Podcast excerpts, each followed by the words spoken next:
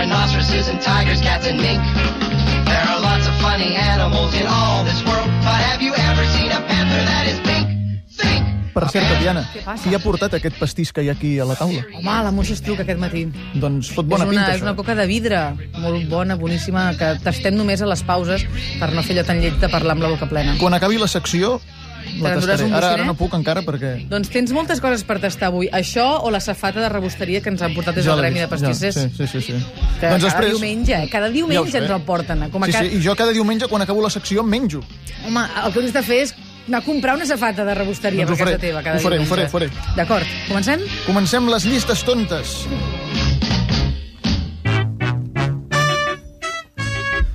Dimarts vam celebrar la Junta General d'Accionistes de les llistes tontes a l'Hotel Majestic de Barcelona i vam acordar per unanimitat que a partir d'ara intentarem fer la secció més curta. M'hi vaig comprometre personalment i és tot un repte per mi perquè mai he sabut fer les coses breus. Així doncs, això és tot per avui. Espero que us hagi agradat la secció. Mm, Però què, però què dius? Això no, que no pots, home. És broma. Ah. T'he espantat, eh? Sí. és que... Ai, Wilcox. Aquests gags tan acurats són els que em fan veure com un artista genial. Gràcies, moltes gràcies, Elisabet. No, ara de debò, el tema d'aquest matí el triarem per sorteig. La setmana ha estat prolífica pel que fa a creació i hem preparat 11 temes diferents. Dins d'aquesta bossa del Condis hi ha 11 paperets amb el títol de cadascun d'aquests temes. Farem el que surti d'aquí dins. Tatiana, si vols fer demà innocent, endavant. Mira, ah, està. Aquest. Aquest? Ja està. A veure. Aviam, mira. Aquest no està mal, m'agrada. El llegeixo? Home, sí? clar, llegeix-lo. D'acord. Coses que passen a les pel·lícules que estaria molt bé que també passessin a la vida real. Un gran tema, sí senyora. No ens hem de creure tot el que passa a les pel·lis. Després venen els disgustos i els laments. Ens ho hem de mirar tot amb molta desconfiança. Comencem pel mite que ha destrossat milions de parelles. L'orgasme sincronitzat. Per què ens ho fa això la gent del cinema? Algú m'ho explica? Per què a les escenes de sexe del 95% de les pel·lícules l'home i la dona sempre arriben a l'orgasme alhora? Per culpa d'això, les dones m'abandonen i van a buscar tios tipus Javier Bardem a huevos de oro. Marxa, marxa, maca. Has vist moltes pel·lícules, tu. No trigaràs ni una setmana a tornar, perquè això no passa a la vida real. És impossible. Ah, escolta, parla per tu, eh, que això em passa moltes vegades. Com? Però si això és ciència-ficció? A la vida real l'home sempre acaba el primer, dos minuts i fora. L'orgasme sincronitzat no existeix. Us estan enganyant. Però, és clar, vosaltres us ho en passeu tot. Mm, Disculpi, lamento dir-li que a mi això de l'orgasme sincronitzat mm, també m'ha passat un fotimer de vegades. Un fotimer? No m'ensorri que avui tenia un bon dia. Doncs miri, vostè i la Tatiana són dos casos únics en tot el planeta Terra.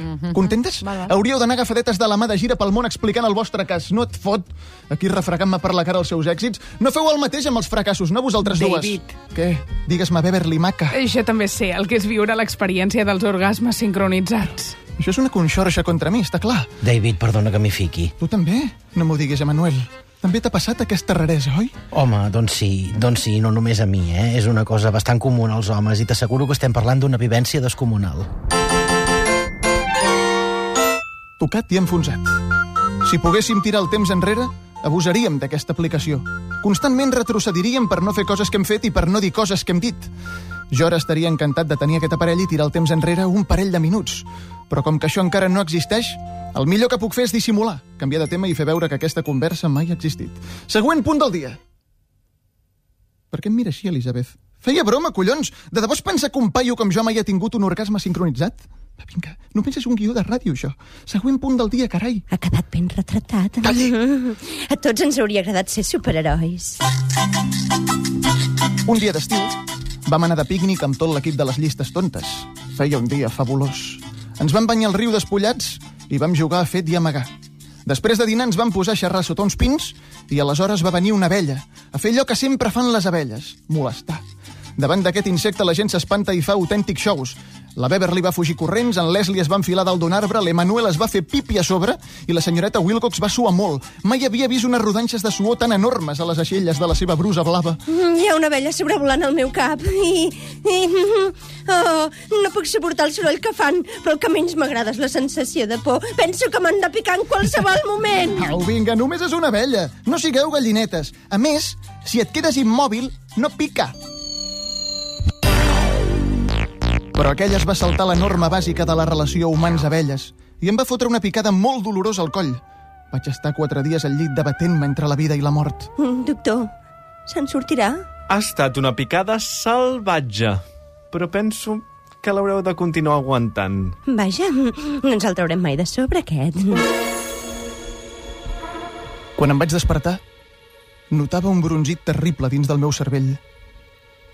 Què vol que li faci per dinar? Tinc un desig. Vull un plat de mel. Que estrany, oi, que vulgui un plat de mel? Sí, pensava que li feia fàstic. Doncs... Ara vull un plat de mel. Per què parla així? No ho sé. Em surt... Sol. He vist tantes pel·lícules que començo a pensar el que esteu pensant ara vosaltres. L'abella que em va picar era mutant i ara m'estic transformant en un d'aquests insectes. D'aquí molt pocs dies seré un superheroi. Tindré poders, una força descomunal i em podré lligar la guapa del barri. Bravo. El que he de pensar bé és a quin bàndol aniré. Si el de les forces del bé o el de les forces del mal. Em miro al mirall despullat i veig que m'ha sortit un borrissol groc i negre al tòrax, a l'abdomen i al malic. És bastant fastigós, la veritat. No descarto depilar-me quan m'hagi fabricat l'uniforme de superheroi. Amb aquest borrissol no vaig enlloc. Els dies passen i la transformació segueix el seu curs. Senyoreta Wilcox, vingui ràpid! Ja m'ha sortit el fibló per picar qualsevol desgraciat que se'm posi pel davant. Oh, ja era hora. Se m'ha posat la pell de gallina. Miri, el veu? És aquí, entre les natges. A veure... Oh, sí. Amb aquest fibló es guanyarà el respecte de tot el barri. Ara, la podré picar quan no es porti bé. A partir d'ara això es convertirà en una dictadura, perquè vull que sàpiga que he decidit allistar-me al bàndol dels dolents.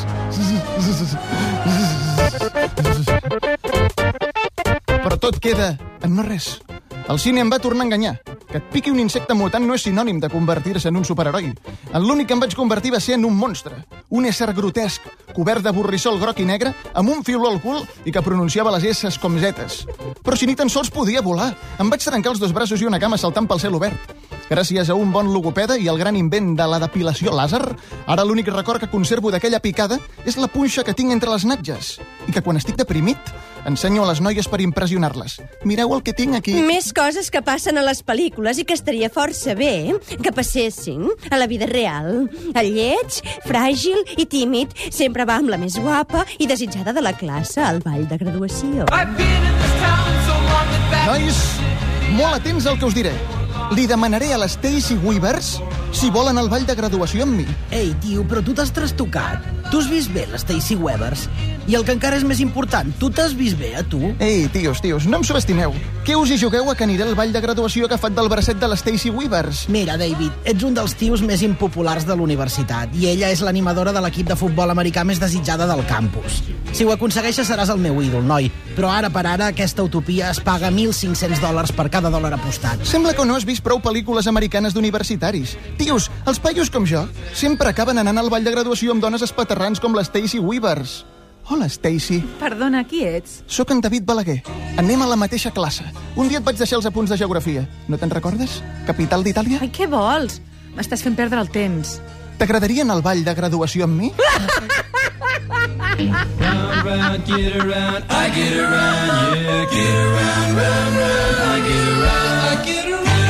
Ei, David, crec que no s'ha complert allò de les pel·lis que ens vas explicar. No, tio, no t'equivoquis. Tot va tal com jo ho havia previst. A les pel·lícules americanes d'universitaris, la guapa mai li diu que sí a la primera al tio lleig i patètic. Hauries de veure més cinema del bo, Malcolm. Així, tu potser també podries lligar-te a una animadora de l'equip de futbol americà i no aquell peix bullit amb qui vas. Mireu, falten 25 dies pel ball de graduació i us asseguro que jo hi aniré amb les Stacy Weavers. Ei, David, podria ser que la noia amb la que has vingut al ball de graduació no sigui exactament la Stacy Webers? Tens ganes de fotre, oi? He vingut amb la Lori Wilkins. Passa alguna cosa? Segurament per fora no té l'embolcall espectacular de les Stacy Weavers, però per dins és Miss Univers. Doncs que tu passis bé amb la Lori Wilkins. Lorito, Lorito. Vaja, m'havia oblidat que li dèiem així. Lorito, Lorito Wilkins, Lorito. En Malcolm amb un peix bullit i jo amb un lloro. Igualet que les pel·lis americanes. El cinema me l'ha tornat a colar. M'he tornat a empassar una de les seves mentides. Per què la meva vida no pot ser com la d'un estudiant de pel·lícules com American Pie o La revanxa de los novatos? Per què la vida real el tio lleig, gris, patètic i impopular mai es pot lligar a la guapa de la classe? Mm, Per acabar, una cosa que només passa al cinema i que a tot l'equip de les llistes tontes ens fascina. La facilitat que tenen a les pel·lícules per explicar les coses cantant. Tatiana, t'he vingut a veure perquè t'he de comunicar una cosa. Ui, comunicar sona molt seriós. És que ho és. M'ho suposo, has vingut a casa meva a la una de la matinada. Això és que es tracta d'alguna cosa greu. Va, digues, em fas patir. És que no sé com dir-t'ho. No trobo les paraules. Doncs busca-les, explica'm el que m'hagis d'explicar. Ja fa dies que pateixo, que calculo amb insistència quantes llistes tontes falten. Uh, 21, per ser exactes. Ja fa dies que ho rumio, que ho maduro i que ho medito. No puc negar l'evidència. Vaig un pèl escàs d'idees. Un moment, i què vols dir amb tot això? Home, jo crec que s'entén bastant bé. Doncs no, jo no he entès res. De veritat que no ets capaç de desxifrar el missatge que t'acabo de donar? A mi m'agrada que em parlin clar, David. Doncs mira, t'ho diré clar. Plego. Deixo les llistes tontes. Com? Però això no ho pots fer. Doncs ho estic fent. Ho sento molt, Tatiana. No. No accepto que ens abandonis. Em sembla una gran putada. David, tio, reflexiona. Queda molta temporada. Li pots dir en Fel i en Xuri que també vinguin diumenge. Aquests tios són boníssims i sempre van forts d'idees. No diguis més ximpleries. No suporto els ploramiques. Calla, seu i fes més. Llistes. No sóc ploramiques, sóc un paio realista. Ja no puc fer més. Llistes. Un moment, però a veure, recapacitem. No, no, no, no, està decidit. Em sap greu, però abandono. Un moment, espera. Busquem una A solució. veure, si tu trames una solució a aquest atzucac, jo estaré encantat de continuar. Ah, deixa'm pensar. Ja saps que t'estimo, Tatiana, i que m'ho passo molt bé treballant amb tu, però... Oh, David, ja ho tinc. Sí? Sí, ja sé què és el que has de fer. Sóc tot orelles. Ja fa un temps algú em va dir quin era el millor remei quan no et brollen les idees. Copia, plàgia, busca un negre.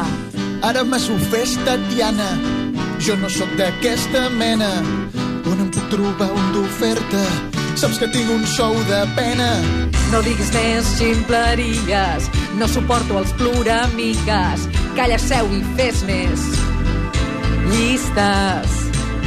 No sóc ploramiques. Sóc un paio realista. Ja no puc fer més. Llistes.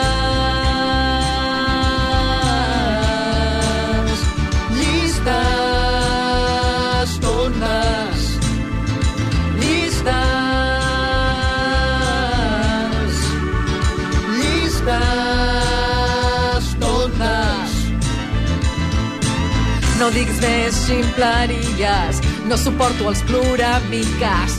Calla, seu i fes més. Llistes. No sóc ploramiques, sóc un paio realista. Ja no puc fer més. Llistes.